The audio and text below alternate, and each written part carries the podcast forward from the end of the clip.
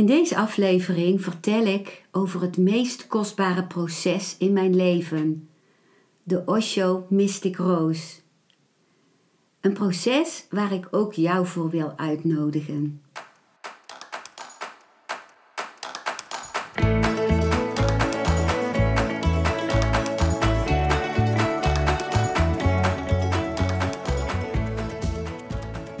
Welkom bij een nieuwe aflevering van Modita's podcast Van Pijn naar Zijn. De podcast waarin ik je meeneem voorbij de pijn in je leven naar wie je diep van binnen bent.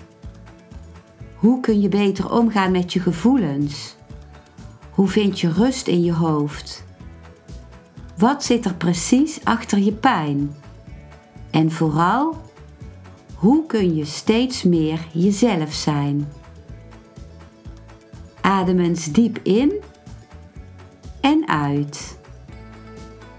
Ik wens je veel luisterplezier.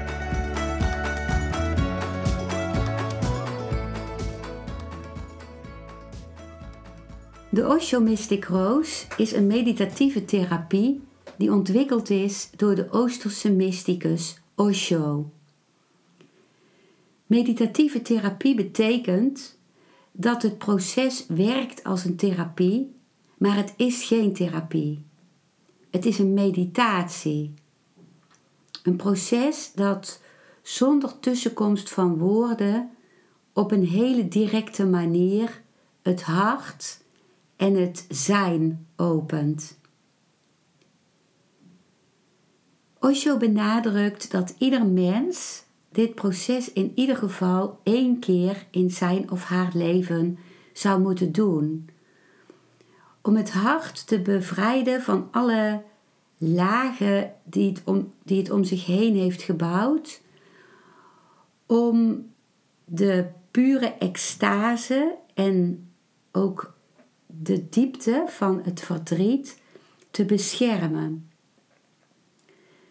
En juist deze lagen verhinderen ons ervan om in diep contact met onszelf te komen, met ons zijn en van daaruit in contact met de mensen om ons heen en de natuur om ons heen.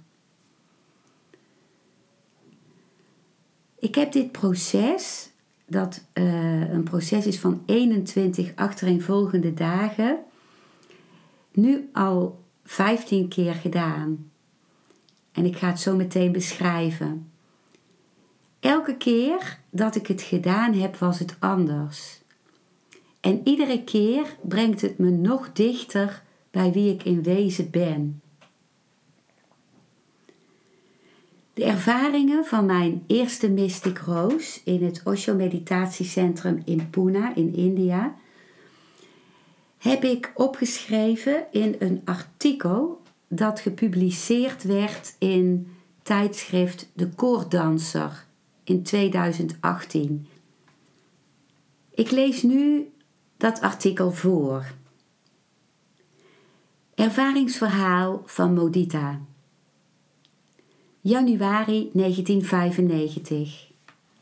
Voor het eerst ben ik in de Osho Meditation Resort in Pune, India.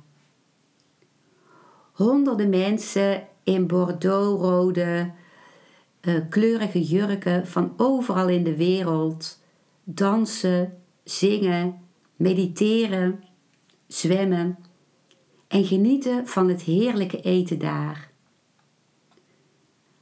Alles is nieuw voor mij, behalve de gewoonte die ik heb om naar de ogen van mensen te kijken, om te zien of die stralen. Daaraan zie ik of iemand werkelijk leeft. Diep onder de indruk ben ik als ik de ogen ontwaar van de mensen die een button dragen waarop een roos is afgebeeld. Het is alsof ik in een diep, stil meer kijk als ik naar hun ogen kijk. Een diep, stil meer, puur, helder, met een immense diepte. Het laat me niet meer los. Mij wordt verteld dat deze mensen bezig zijn met de Osho Mystic Rose, een meditatieve therapie gecreëerd door de Indiase mysticus Osho. Ik vraag niet verder. Omwille van deze ogen wil ik het proces gaan doen. En ik schrijf me in voor dit proces dat 21 dagen duurt. Eén week drie uur per dag lachen. Eén week drie uur per dag huilen. En één week drie uur per dag in stilte gadeslaan. In de uitleg hoor ik de filosofie erachter. Wij kunnen bijna niet mediteren en met onze aandacht naar binnen gaan, omdat we dan stuiten op allerlei lagen die dat verhinderen.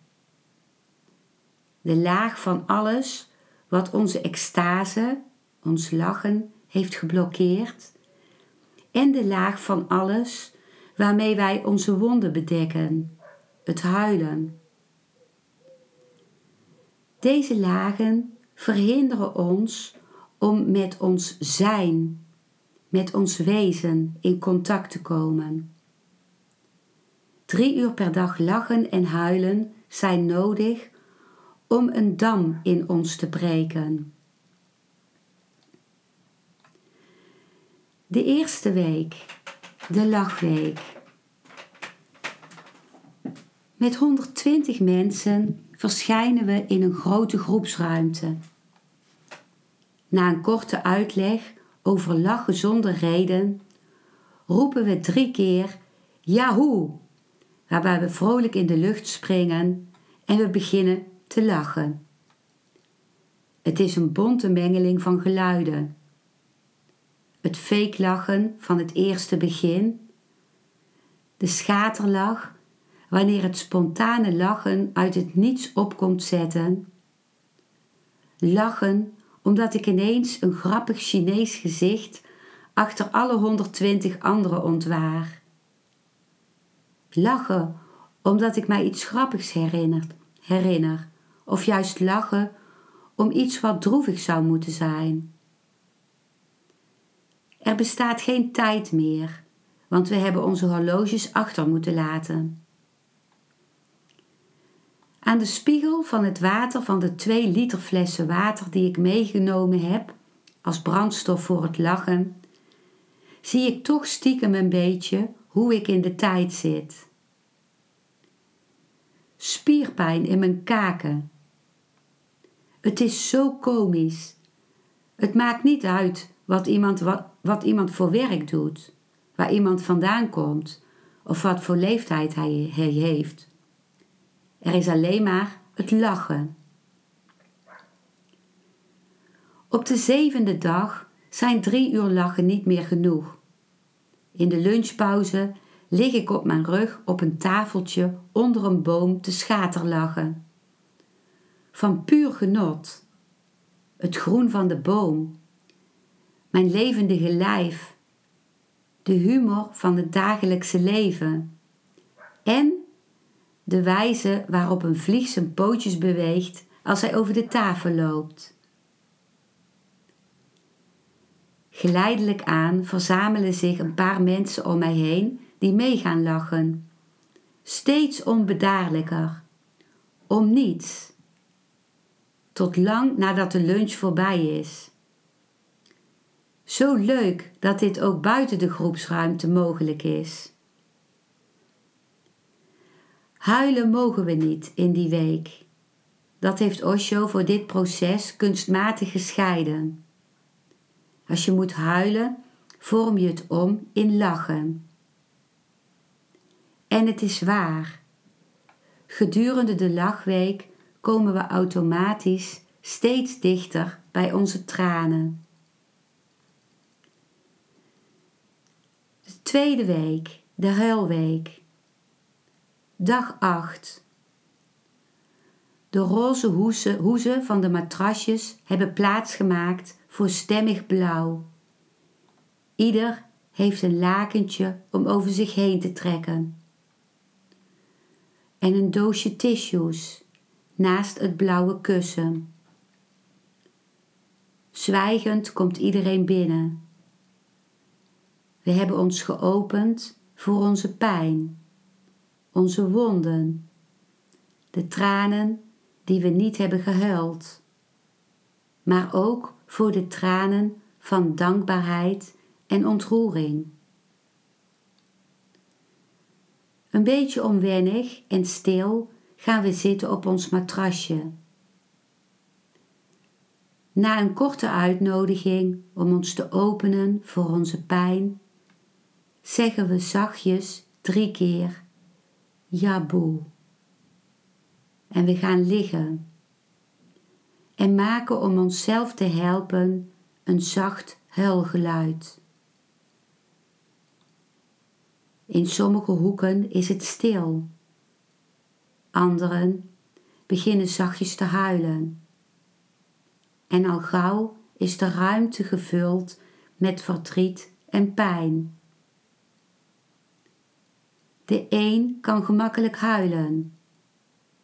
De ander worstelt met alles wat hem daarin remt. Soms is er heel even verdrietige muziek. Langzaamaan laat ik mijn chaîne om te huilen in het bijzijn van anderen vallen. Al bescherm ik mij zorgvuldig met mijn lakentje om niet gezien te worden. Er komen dingen naar boven waarvan ik nooit had geweten dat ik ze als kind zo erg had gevonden. Het verlies van mijn lagere schoolvriendin iets angstigs in de babywagen. Ik voel hierbij een diepe erkenning van iets heel dieps in mij. Wat ik voel, voelt zo waar. Meer waar dan alle theorieën die ik ooit in mijn leven over mijzelf en mijn verleden gemaakt heb. Het voelt meer waar dan de analyse van welke psychotherapeut ooit. Dit is iets wat zo direct is. Een directe verbinding van mijzelf naar mijzelf. Er is niemand die mij zegt dat ik moet stoppen met huilen. Er is niemand die mij troost om mij mijn verdriet af te nemen. En tegelijk is er zoveel troostends. De aanwezigheid van alle anderen om mij heen, die ook de moed opgevat hebben om dat wat het diepste begraven is, de eigen wonden, aan het daglicht te laten komen en zo te laten helen. Wanneer ik om iets huil en een ander is ook aan het huilen, dan lijkt het alsof die ander meehuilt om mijn verdriet. En dat heelt. Hoe vaak heb ik niet in mijn eentje zitten huilen en me eenzaam gevoeld daarin. En nu? We doen het samen. Ook al ligt iedereen afzonderlijk op zijn eigen matrasje met een ruimte ertussen. Op het einde van het laatste uur huilen, op de laatste huildag, voel ik een zachte hand op mijn schouder. Ik kijk op en er staat iemand voor mij met de prachtigste roos die ik ooit gezien heb.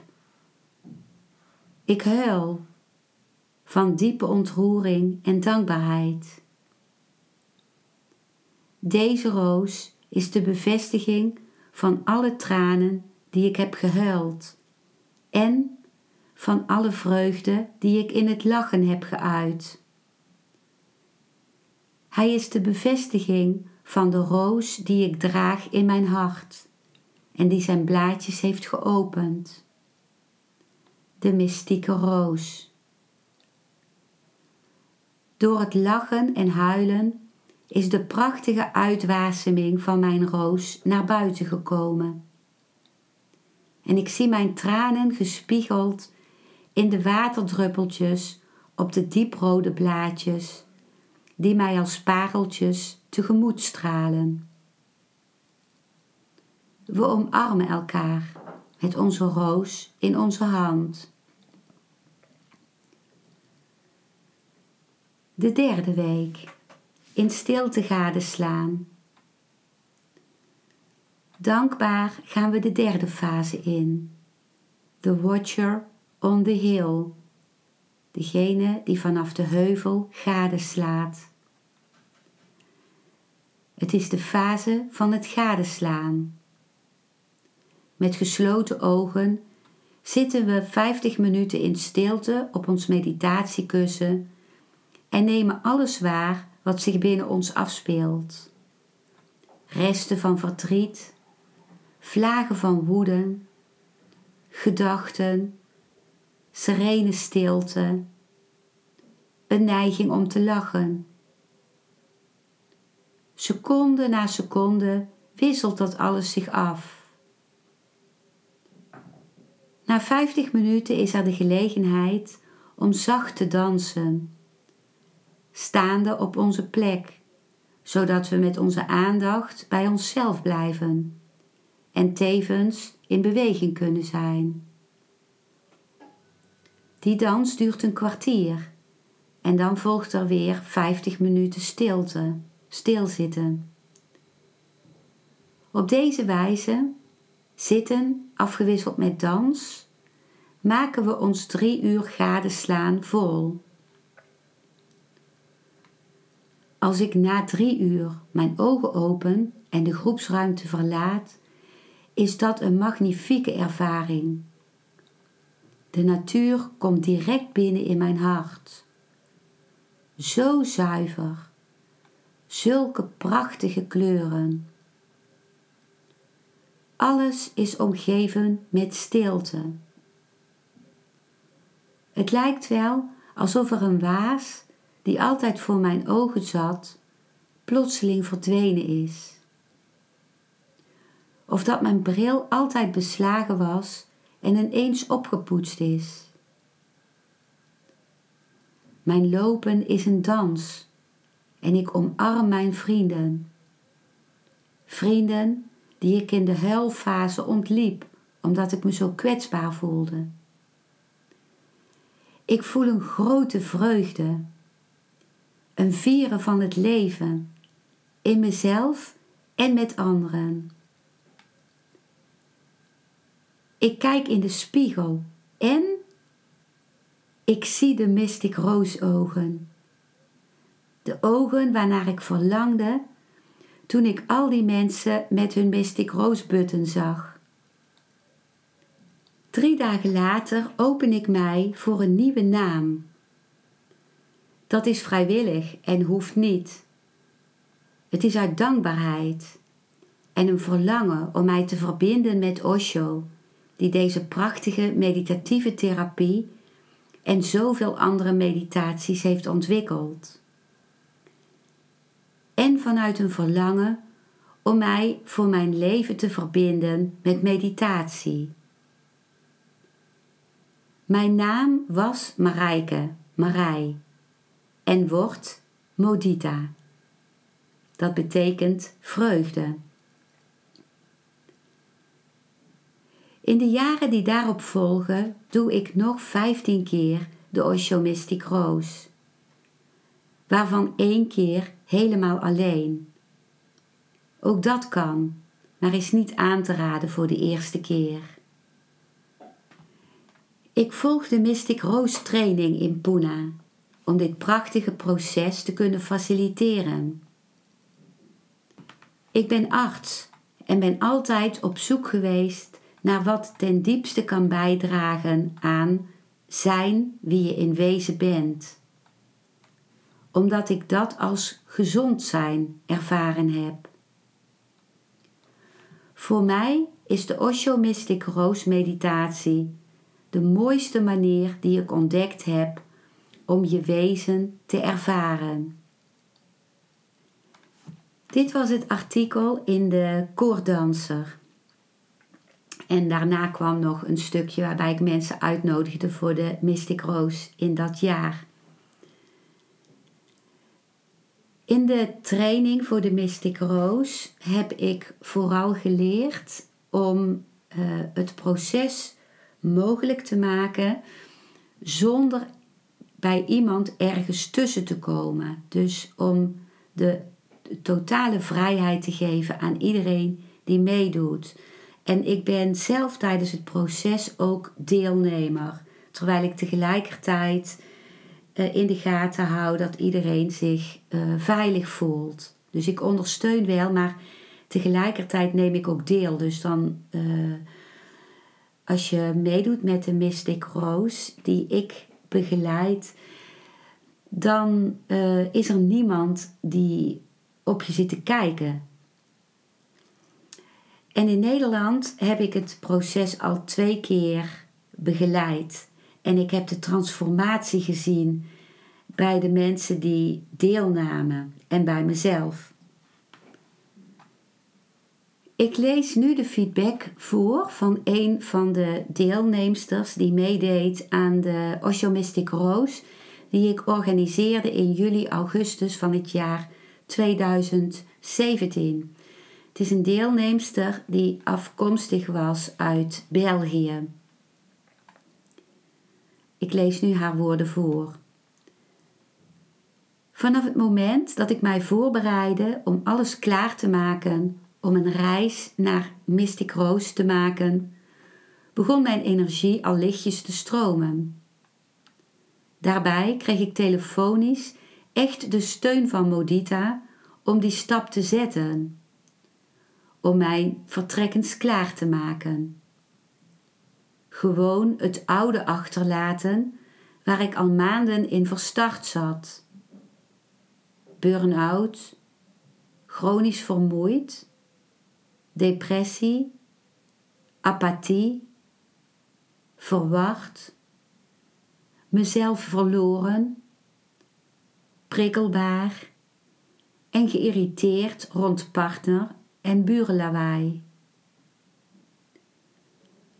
Ook mijn antidepressiva, zeer slecht, en sulpiride, zeer slecht, liet ik achter thuis. Ik was er eindelijk van verlost. Ik wou er echt vanaf. Ook al was het nog maar drie tot vier weken in gebruik, ik wou er op dat moment mee stoppen. Ik zou het anders oplossen. Ik uh, onderbreek hier even de woorden van uh, deze deelnemster om uh, iets toe te voegen als arts zijnde. Dat als je antidepressiva wilt stoppen, dat je die dan heel geleidelijk af moet bouwen. Onder goede begeleiding. Anders kan het, het plotseling stoppen van antidepressiva kan namelijk zelfs dodelijk zijn. Nu ga ik weer door met de woorden van de deelnemster. Ik moest gewoon eens weg uit mijn doolhof. Even op adem komen. Tijd voor mijn eigen bioritme. En voor mezelf alleen zonder vrijheidsberoving van levensgezel te voelen. Gewoon mezelf terugvinden. En dit lukte beetje bij beetje. Tijdens de Mystic Roos werd elke dag een stukje van mijn roos geopend. Ik genoot overdag van de natuur, op mijn eigen tempo eten maken, eten, rusten, afwassen, mediteren en slapen. Er was op dat ogenblik eigenlijk geen twijfel. Dit was mijn laatste hoop. Mystic Roos in plaats van opname. En effectief, beetje bij beetje, vond ik meer vertrouwen in mezelf en wat meer vreugde en energie. Ook al rustte ik veel, ik accepteerde het.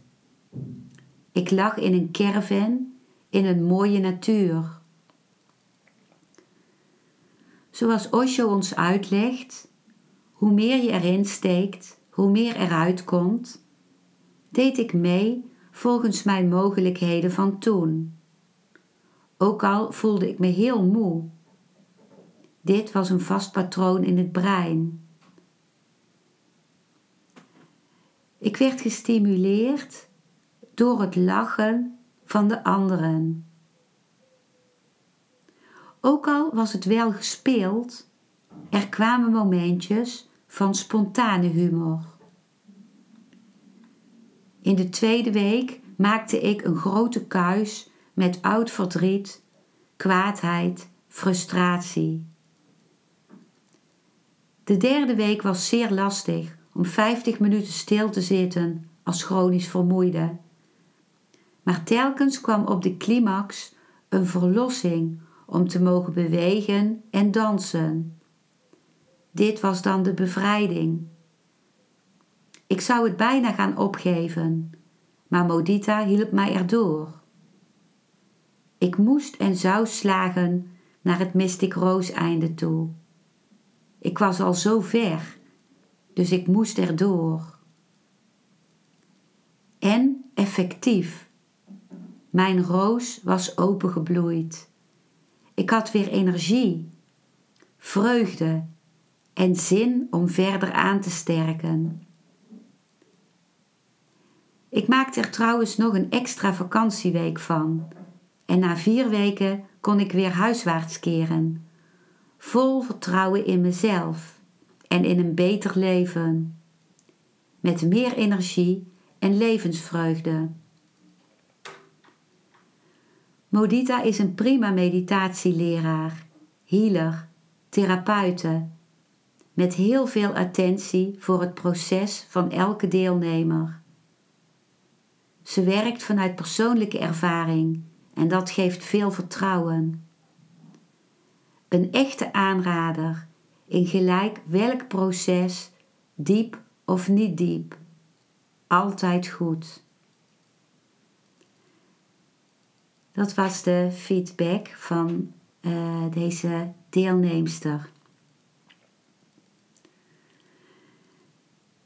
Ik vertel nu iets over mijn ervaring met uh, de Mystic Rose die ik alleen deed. Dat was nadat ik uh, zeker wel twaalf Mystic Rozen in een groep had gedaan. Ik zou daar in eerste instantie niet mee beginnen als je dit proces gaat doen. Dan zou ik echt in een groep beginnen.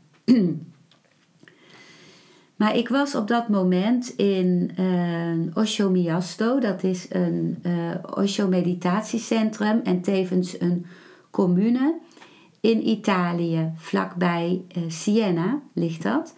Op een, op een hele hoge heuvel. En ik werkte daar. ik heb daar een half jaar gewerkt in de schoonmaak. Dat was zes dagen per week, zeven uur per dag schoonmaken. Continu, ook in de hitte, altijd door. Wc's en douches en kamers en groepsruimtes. En um, één dag in de week ehm, hadden we daar vrij. Dan fietste ik vaak naar Siena. Maar ik wilde heel vaak, ik wilde heel graag, net als uh, tijdens de uh, in, tijdens mijn verblijf in Pune in India. Als ik daar werkte, dan kon je ook de werkers Mystic Rose doen. Dan, dan deed je die drie uur lachen uh, of huilen of stilte al voor je werk. Dus bijvoorbeeld van zes uur tot negen uur s ochtends. En daarna kwam je werk. Maar niemand van de werkers in Italië wilde meedoen met mij, met de Mystic Rose. En toen kreeg ik het idee om het alleen te doen. Dus was natuurlijk allereerst om een ruimte te vinden waar ik me vrij zou kunnen voelen. En die was halverwege op de heuvel. Daar was een hutje van waar net twee matra eenpersoonsmatrassen naast elkaar konden liggen. En wat voorheen werd gebruikt voor de donkermeditatie. Dus dat hadden ze, konden ze helemaal verduisteren. Een houten hutje en dat was al heel lang niet meer gebruikt. En ik mocht dat gebruiken voor dit proces.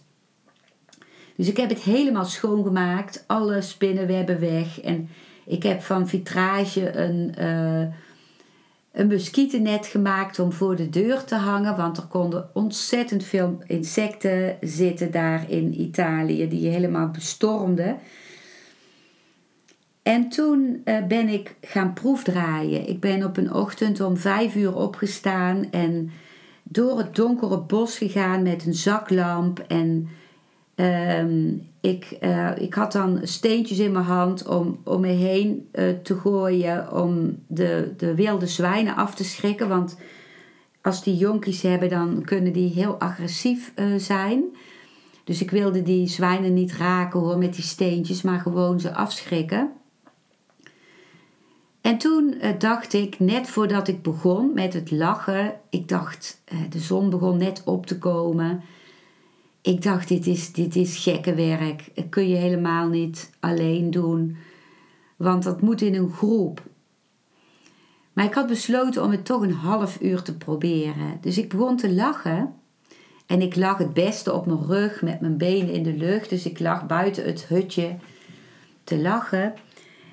En toen hoorde ik de vogels kwetteren. Uh, die waren ook net uh, wakker geworden. En begonnen, dan kunnen ze heel extra uitbundig fluiten.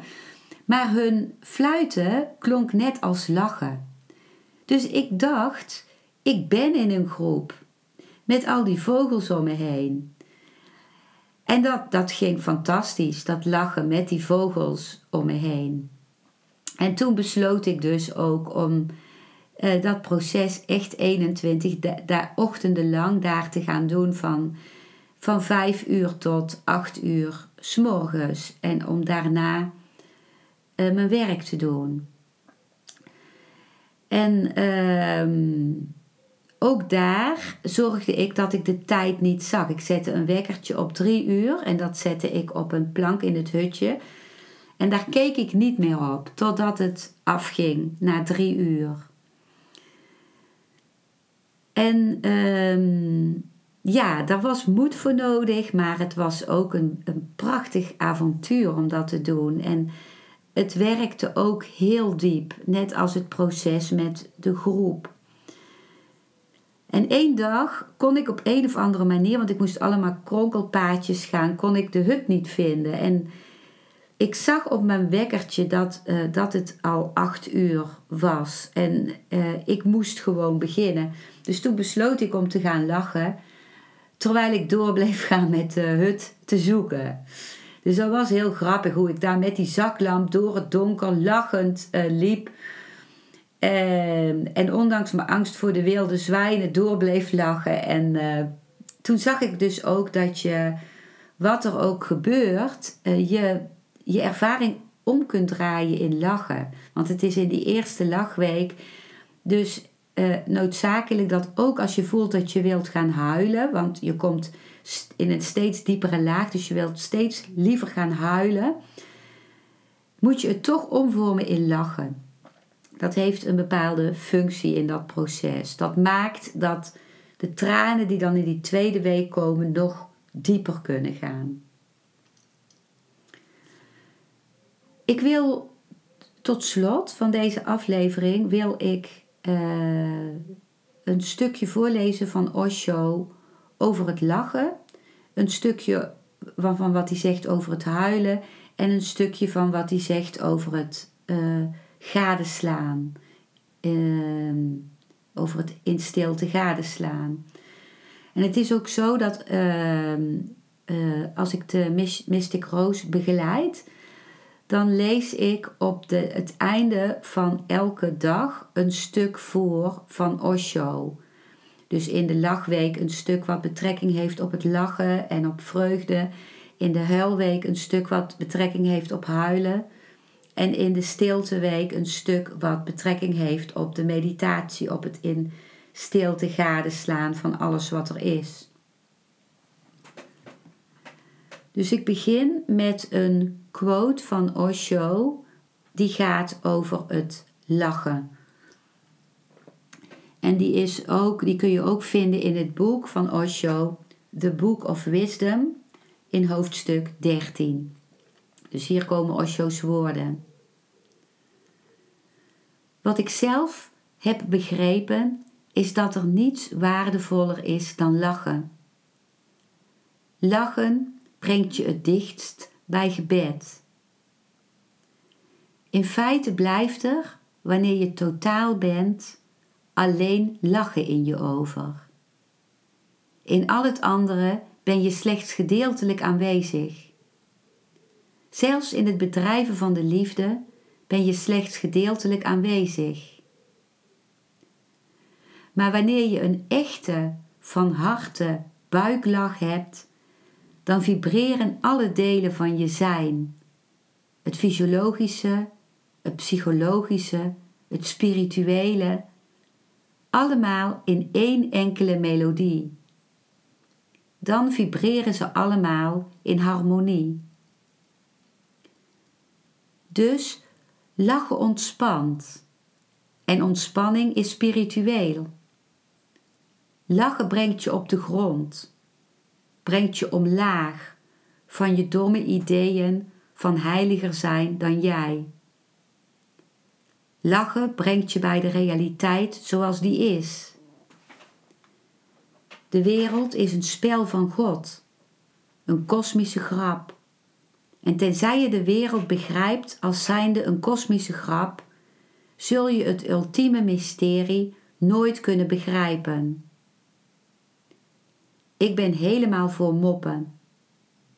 Ik ben helemaal voor lachen. Dat was de quote die ik wilde voorlezen van Osho over lachen. En dan lees ik nu een quote voor over huilen. En die komt uit het, uh, die woorden die zijn opgeschreven in het boek van Osho, From Darkness to Light, in hoofdstuk 7. Hier komen Osho's woorden. Bewustzijn is opereren aan jezelf. En vraag me niet hoe kunnen we het vergroten. Niemand kan het voor iemand anders doen. Je kunt het alleen voor jezelf doen. Dit is het fundamentele van spiritueel opereren. Je kunt alleen succes hebben bij jezelf. Hoe pijnlijk het ook is, maar er is geen andere weg. Ja, het loont zich enorm wanneer je door de test heen kunt komen, wanneer je door de pijn heen kunt komen, wanneer je door alle ellende heen kunt komen. Het lijden dat je onderdrukt hebt, zal opnieuw naar boven komen. Het is net als een huis binnenkomen waarin gedurende jaren niemand is binnengekomen. Je zult zoveel stof doen opwaaien. En dat stof is niet eenvoudigweg stof. Het bedekt je wonden. Het heeft je geholpen om jezelf te vergeten. Het heeft je onbewust gemaakt van jezelf. Het is niet net zoiets als je kleren uittrekken. Het is meer zoiets als je huid afstropen. Maar wanneer je er eenmaal in slaagt, dan lijkt de pijn gewoon niets meer, omdat de gelukzaligheid die op je neerdaalt niet te vergelijken is. De pijn die je leed lijkt dan zo miniem en zonder betekenis maar dat is op het eind. Gautam Buddha placht te zeggen: Mijn weg is in het begin enorme pijn, op het eind enorme gelukzaligheid. Maar geduld is nodig. Ik zeg tegen je: in deze operatie ben je zowel de patiënt als de chirurg. Onthoud, het Engelse woord patiënt, patient, komt van patience, geduld. Het is betekenisvol. Waarom wordt de zieke een patiënt genoemd? Hij moet geduldig zijn. Hij moet wachten. Maar wanneer je zelf de patiënt bent en ook de chirurg, dan is de moeilijkheid verveelvoudigd. Maar nog steeds is het niets vergeleken met het geluk. Alles wat je kunt doen is door dit lijden heen te gaan. Door deze donkere nacht van de ziel heen te gaan. Bereik de dageraad van je zijn. Bloei. Laat je gelukzaligheid losbarsten. Misschien zal iemands slapende ziel getriggerd worden. Iemands slapende bewustzijn zal misschien een shock krijgen en wakker worden. Maar dit zijn alleen misschiens. Je kunt over deze zaken niet zeker zijn. Deze zaken zijn zo subtiel dat je niet zeker kunt zijn. Hoop op het beste en wacht op het beste. Dit waren de woorden van Osho over het doorgaan van de pijn, door, het, uh, door de pijn heen gaan en door het verdriet heen gaan.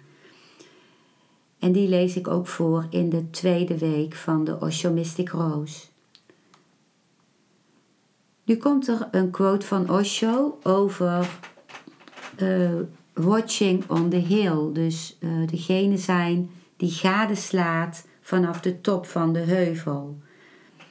En uh, die woorden komen, of die staan opgetekend in het boek van Osho, The Buddha, The Emptiness of the Heart, hoofdstuk 1.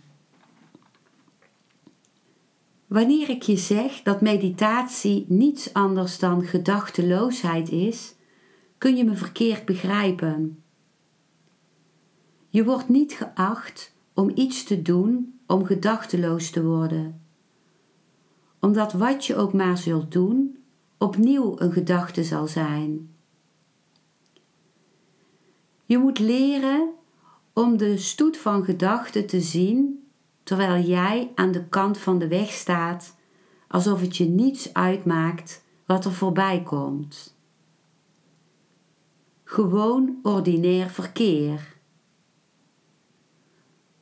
Wanneer je je gedachten op zo'n manier kunt aanvaarden, op zo'n manier dat je er niet te veel om bekommert, dan zal gemakkelijk, langzaam de karavaan van gedachten die gedurende duizenden jaren is voortgegaan, verdwijnen. Je moet een eenvoudig iets begrijpen, dat aandacht geven, voeding geven is. Wanneer je geen enkele aandacht geeft, maar onbekommerd blijft, dan sterven de gedachten uit zichzelf. Ze hebben geen enkele andere manier om energie te krijgen, geen enkele andere bron van leven dan jouw aandacht. Jij bent hun energie. En omdat jij doorgaat met hen aandacht te, te geven, serieus, je denkt dat het heel moeilijk is om vrij van gedachten te zijn. Het is het eenvoudigste ding in de wereld maar het moet op de goede manier gedaan worden. De goede manier is gewoon aan de kant te staan. Het verkeer gaat door. Laat het gaan. Vel geen enkel oordeel van goed of slecht.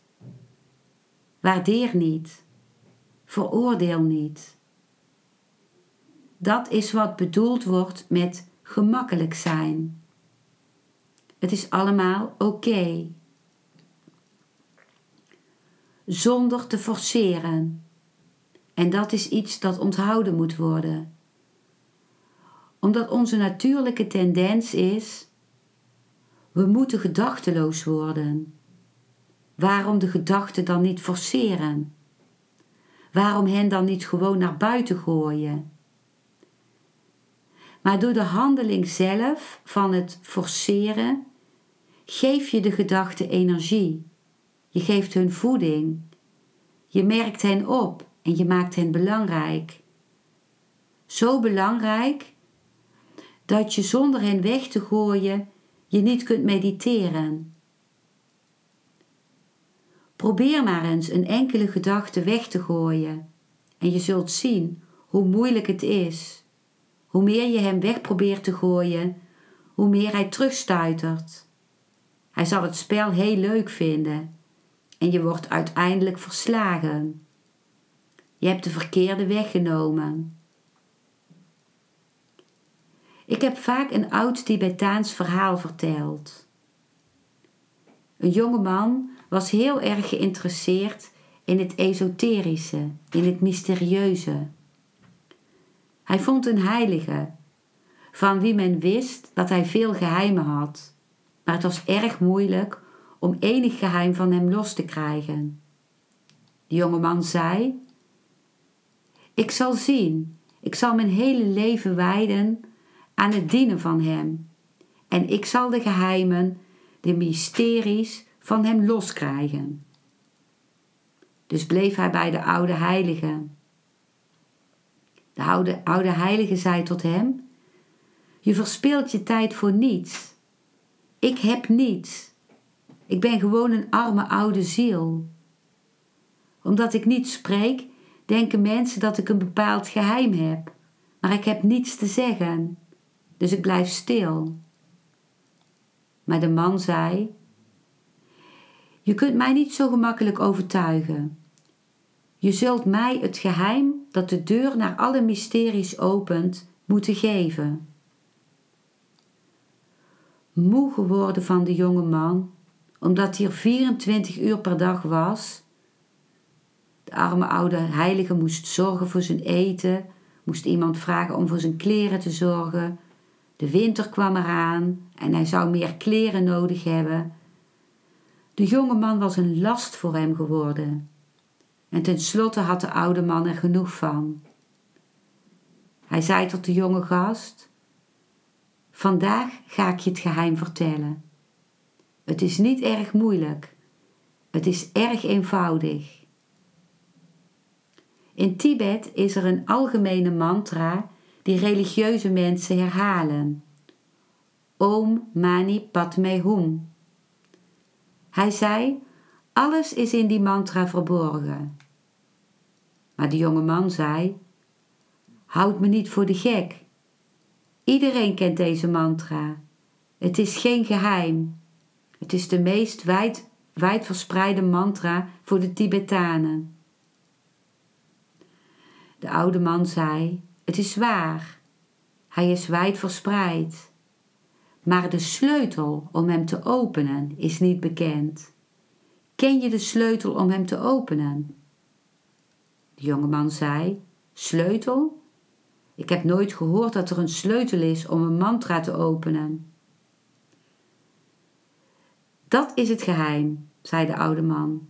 De sleutel is, terwijl je de mantra herhaalt, alleen maar gedurende vijf minuten, laat dan alleen geen enkele aap opduiken in je hoofd.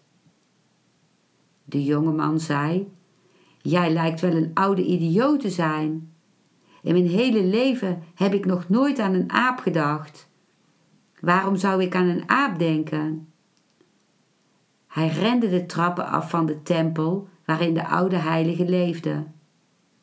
Maar vreemd genoeg, zelfs hoewel hij niet eens de mantra herhaalde, begonnen er apen te komen, giechelend. Als hij zijn ogen sluit, waren ze daar. Als hij deze kant oprende, waren ze daar. Als hij de andere kant oprende ook. Ze waren niet buiten, ze waren in zijn hoofd. En langzamerhand werd de groep groter. Zover als hij kon kijken, waren er alleen apen en apen en apen. En ze deden alle soorten circus. Hij zei: Mijn God, is dit de sleutel? Ik ben nu al op. Ik ben nog niet eens met de mantra begonnen. Ten slotte zei hij: Laat me een goed bad nemen en van al deze apen afraken. Maar hoe meer hij hen wegduwde, hoe meer ze naar hem toesprongen. Hij nam het bad, hij brandde wierook, hij zat in een religieuze lotushouding, maar wat hij ook deed, apen sloegen hem van alle kanten gade. Hij zei: Dit is vreemd. Apen hebben dit huis nog nooit bezocht. De hele nacht probeerde hij, maar hij kon deze eenvoudige mantra Om Mani Padme Hum niet repeteren zonder dat er apen insprongen. Toen het ochtend werd, was hij zo moe. Hij zei: Deze oude heilige, ik zal hem vermoorden. Wat een soort sleutel. Ochtends rende hij naar de oude heilige toe en zei: Neem je sleutel alsjeblieft weg. Ik ben er bijna gek van geworden. De oude man zei: Dat is waarom ik het niemand vertelde, omdat de sleutel heel moeilijk is. Begrijp je nu waarom ik stil was? De jonge man zei: Ik wil naar geen enkel woord van u meer luisteren.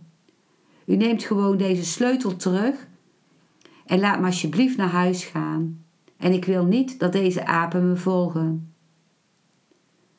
De heilige zei: Wanneer je de sleutel teruggeeft, herhaal de mantra dan nooit weer. De apen zullen komen. Ik kan het niet helpen. Ze zijn niet in mijn macht. De jonge man liet de mantra vallen. En hij liet de sleutel vallen. Hij ging dezelfde trappen af en er was geen enkele aap. Hij sloot zijn ogen en er was geen aap. Hij keek overal rond en er was geen aap. Hij zei: Het is vreemd. Hij probeerde het alleen nog één keer op weg, om te zien wat er gebeurt wanneer hij zegt: Om Mani Padme Hum. En hij sluit zijn ogen, sloot zijn ogen. En ze kwamen allemaal terug van alle kanten. Je kunt geen enkele gedachte onderdrukken.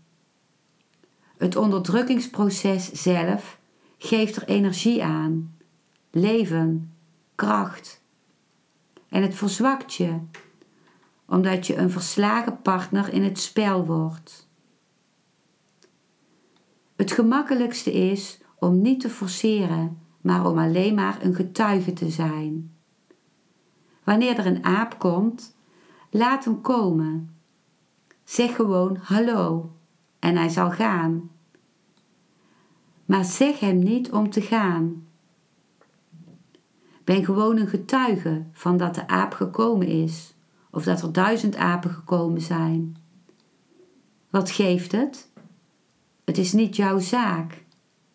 Ze komen misschien naar een ontmoeting, een of ander religieus festival dus laat ze gaan. Het is niets om je om te bekommeren.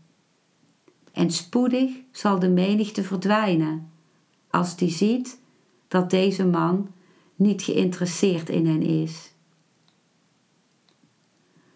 Al je gedachten zijn van dezelfde categorie.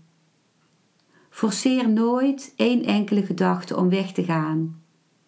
Anders zal hij met een grotere energie terugkaatsen en de energie is de jouwe. Je bent op een verliezend spoor. Hoe meer je hem weg probeert te gooien, hoe meer hij terugkomt. Dus wat Boeko zegt, is de enige weg. Ik zeg de enige weg om zonder gedachten te zijn is.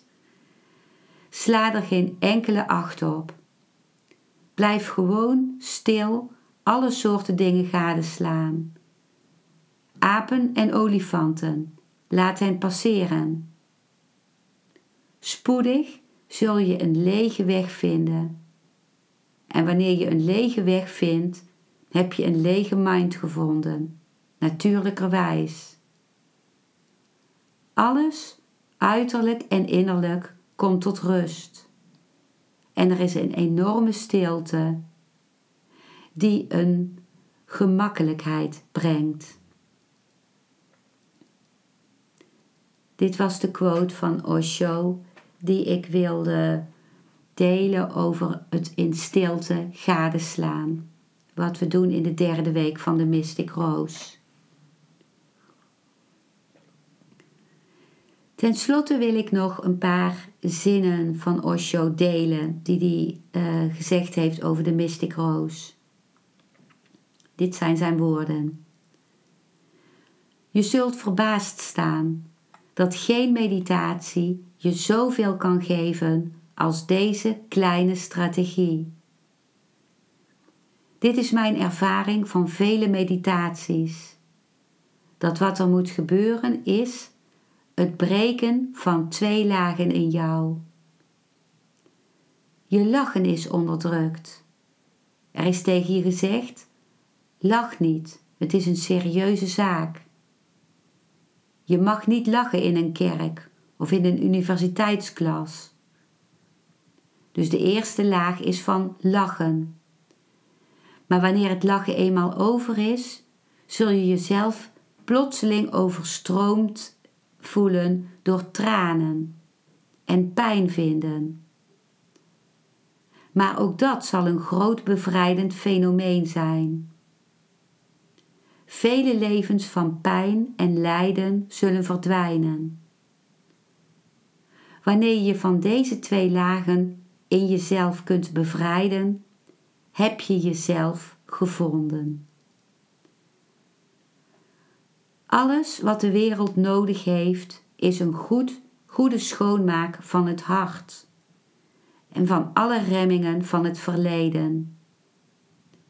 En lachen en tranen kunnen beide doen. Tranen zullen alle pijn die in je verborgen is wegnemen. En lachen zal alles wegnemen wat je extase verhindert.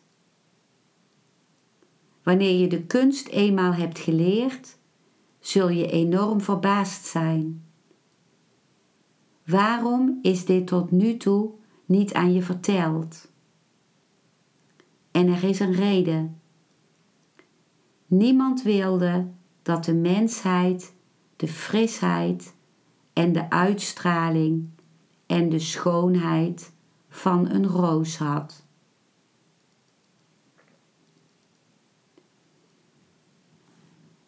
Dat waren de, de, woorden van Osho over de Mystic Rose.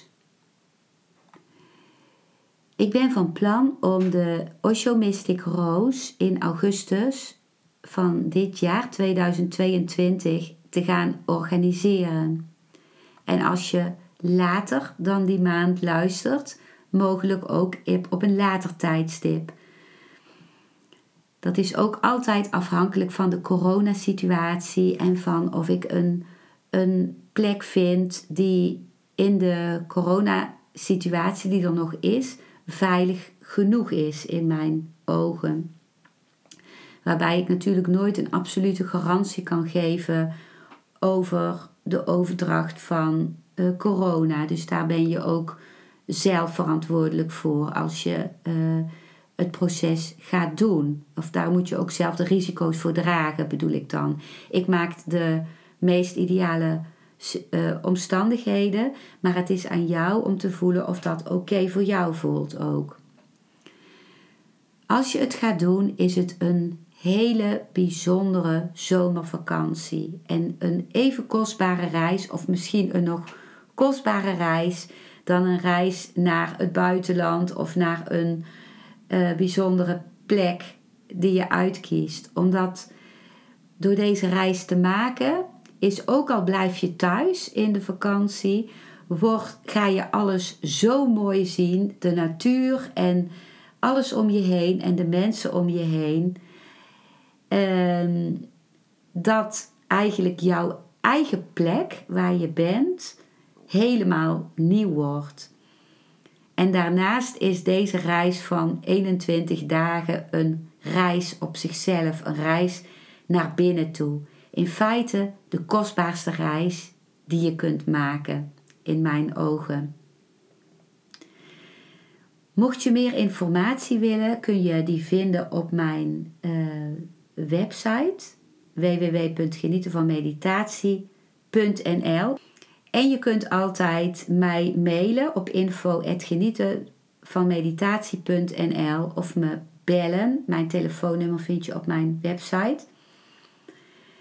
En je krijgt ook altijd, als je mee wilt gaan doen, een, ehm, een interview van een uur. Want ik wil ook weten wie jij bent en of dit een goed proces is voor waar jij nu bent op dit moment in je leven. En dat is een gratis interview. Nou, ik wens je van uh, heel veel goeds bij het eventueel overwegen hiervan. En mocht je mensen kennen die hierin geïnteresseerd zouden kunnen zijn, dan houd ik me aanbevolen voor het delen daarvan met deze mensen. Alvast mijn dank daarvoor. Dankjewel voor het luisteren naar deze aflevering. Ik hoop dat hij je een nieuw inzicht of perspectief heeft gegeven. Ik hou van interactie, dus als je iets wilt delen, stuur me dan een mailtje op info@genietenvanmeditatie.nl. Ik geef je dan altijd antwoord. Ik wens jou dat je vreugde in het dagelijks leven zult ervaren en innerlijke rust. En dat je steeds meer je pijn zult kunnen omvormen in zijn. Je kunt de afleveringen van deze podcast volgen via Spotify, Google Podcast, Apple Podcast en Podbean door op de volg- of abonneerknop te klikken. Als je luistert via de Apple Podcast, dat kan alleen als je een iPhone hebt, heb je een extra voordeel. Omdat als je op de knop abonneren klikt, je steeds een berichtje op je mobiele telefoon ontvangt als er weer een volgende aflevering van mijn podcast verschijnt. Je bent van harte welkom bij die volgende aflevering.